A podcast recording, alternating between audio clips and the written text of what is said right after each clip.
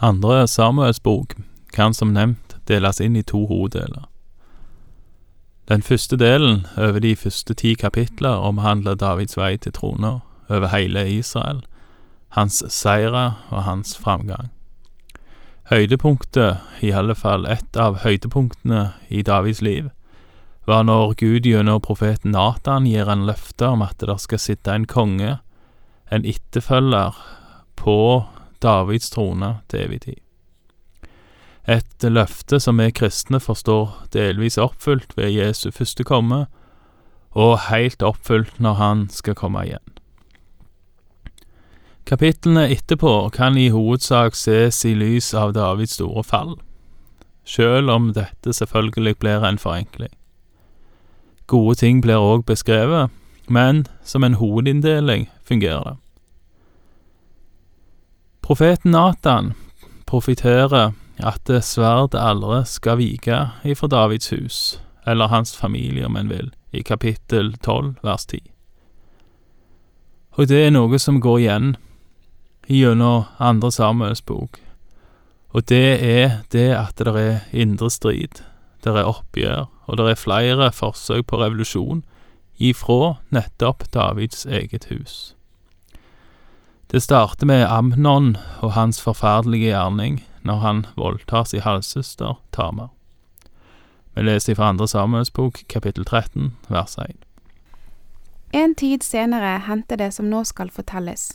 Absalom, Davids sønn, hadde en vakker søster som hette Tamar, og Davids sønn Amnon fattet kjærlighet til henne. Amnon var så nedtrykt for sin søster Tamars skyld at han ble rent syk.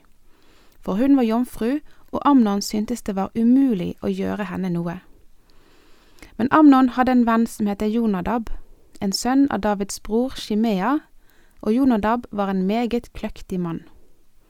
Han sa til ham, Hvorfor ser du så dårlig ut, kongesønn, morgen etter morgen? Vil du ikke si meg det? Da sa Amnon til ham, Jeg elsker Tamar, min bror Absaloms søster. Da sa Jonadab til ham, Legg deg til sengs og lat som du er syk. Når så din far kommer for å se til deg, så si til ham, La min søster Tamar komme og gi meg noe å spise. La henne lage til maten her mens jeg ser på, så jeg kan få den av hennes egen hånd. Så la Amnon seg og lot som om han var syk. Og da kongen kom for å se til ham, sa Amnon til kongen, La min søster Tamar komme og lage et par kaker mens jeg ser på det, så jeg kan få dem av hennes hånd. Så sendte David bud inn i huset til Tamar og lot si, Gå til din bror Amnons hus og lag til maten for ham. Og Tamar gikk til sin bror Amnons hus. Han lå til sengs og hun tok deigen og eltet den og laget kaker mens han så på det, og stekte dem. Så tok hun panen og slo den ut foran ham, men han ville ikke spise. Og Amnon sa, La alle gå ut. Da alle var gått ut, sa Amnon til Tamar, Bær maten inn i kammerset, så jeg kan få den av din hånd. Og Tamar tok kakene som hun hadde laget, og bar dem inn i kammerset til sin bror Amnon. Men da hun rakte ham kakene og ba ham spise, tok han fatt i henne og sa til henne, Kom og ligg hos meg, søster. Men hun sa til ham, Nei, min bror, du må ikke kjenne meg, slikt må ikke gjøres i Israel, gjør ikke en slik skammelig gjerning. Hvor skulle jeg da gå hen med min skam? Og du ville bli regnet blant dårene i Israel. Kjære, tal heller til kongen, han nekter deg ikke å få meg. Men han ville ikke høre på henne, og han ble for sterk for henne. Han tok henne med makt og lå med henne. Men deretter hatet Amnon henne voldsomt. Det hatet han fikk til henne, var større enn den kjærligheten han hadde hatt til henne. Og Amnon sa til henne, Stå opp og gå din vei. Da sa hun til ham, Nei, jag meg ikke bort, det ville være en enda større urett enn den første du gjorde mot meg men han ville ikke høre på henne. Han kalte på den tjeneren som vartet ham opp og sa, Jag denne kvinnen ut på gaten og steng døren etter henne. Hun hadde en si kjole på seg, for slike klær brukte kongens døtre så lenge de var jomfruer. Tjeneren førte henne da ut på gaten og stengte døren etter henne. Men Tamar strødde aske på hodet og rev i stykker den sidekjolen hun hadde på seg, og hun la hånden på hodet og gikk skrikende sin vei. En eh, nesten provoserende, nøkterne beskrivelse av en forferdelig handling. Amnon han begår to forferdelige synder på en gang. Han begår både voldtekt og incest på en gang. Og etter det hater han Tamar og kaster henne ut. Hun øyelegger sin sidekjole, som må vel ha sendt et sterkt signal på at hun ikke lenger var jomfru. I tillegg så strødde hun aska på hodet, en vanlig tradisjon når en sørger, beskrevet flere andre plasser i Bibelen. Vi leser videre fra vers 20. Da sa hennes bror Absalom til henne, Har din bror Amnon vært sammen med deg? Ti nå stille, søster, han er din bror, ta deg ikke så nær av dette. Så ble da Tamar i sin ulykke i sin bror Absaloms hus. Da kong David hørte om alt dette, ble han meget vred.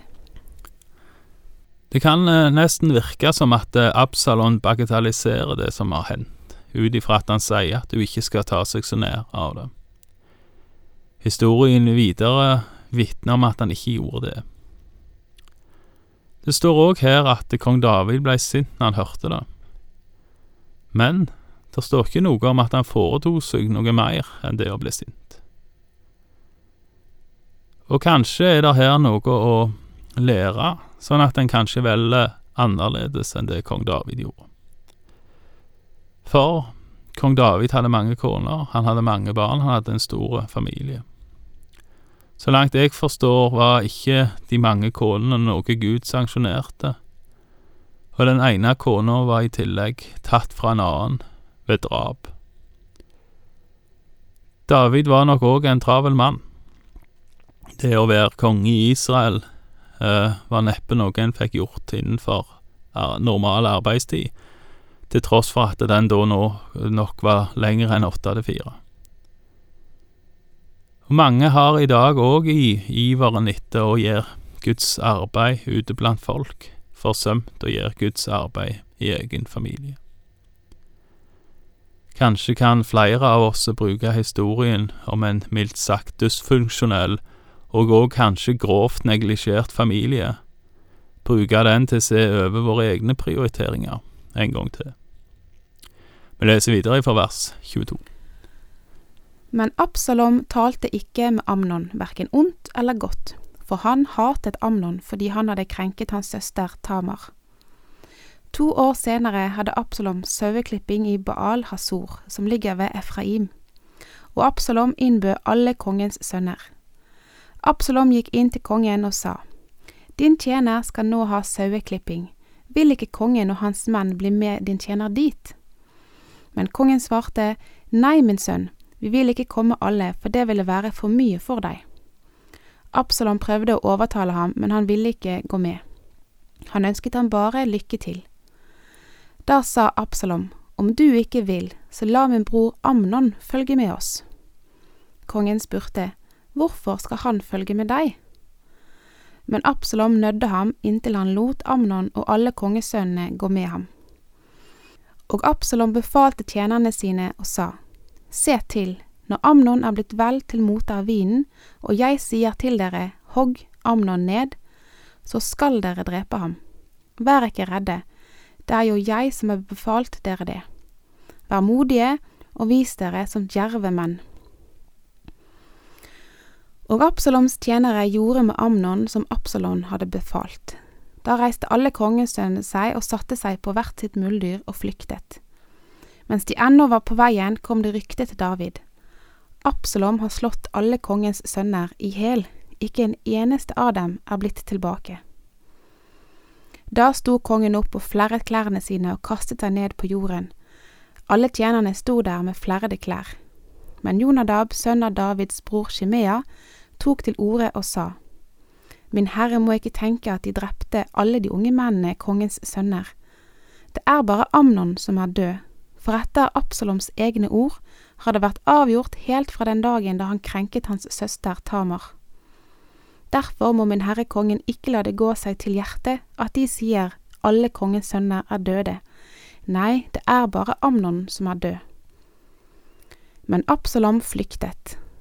Da vaktmannen så opp, fikk han øye på en mengde folk som kom fram fra veien bakom ham ved siden av fjellet. Da sa Jonadab til kongen, Se, der kommer kongens sønner, det har gått som din tjener sa. Ikke før han hadde sagt dette, så kom kongens sønner. De gråt høyt, og kongen og alle mennene hans brast også ut i høylytt gråt. Men Absalom flyktet og dro til Talmai, sønn av Amihud, kongen i Geshur. Og David sørget over sin sønn hele tiden.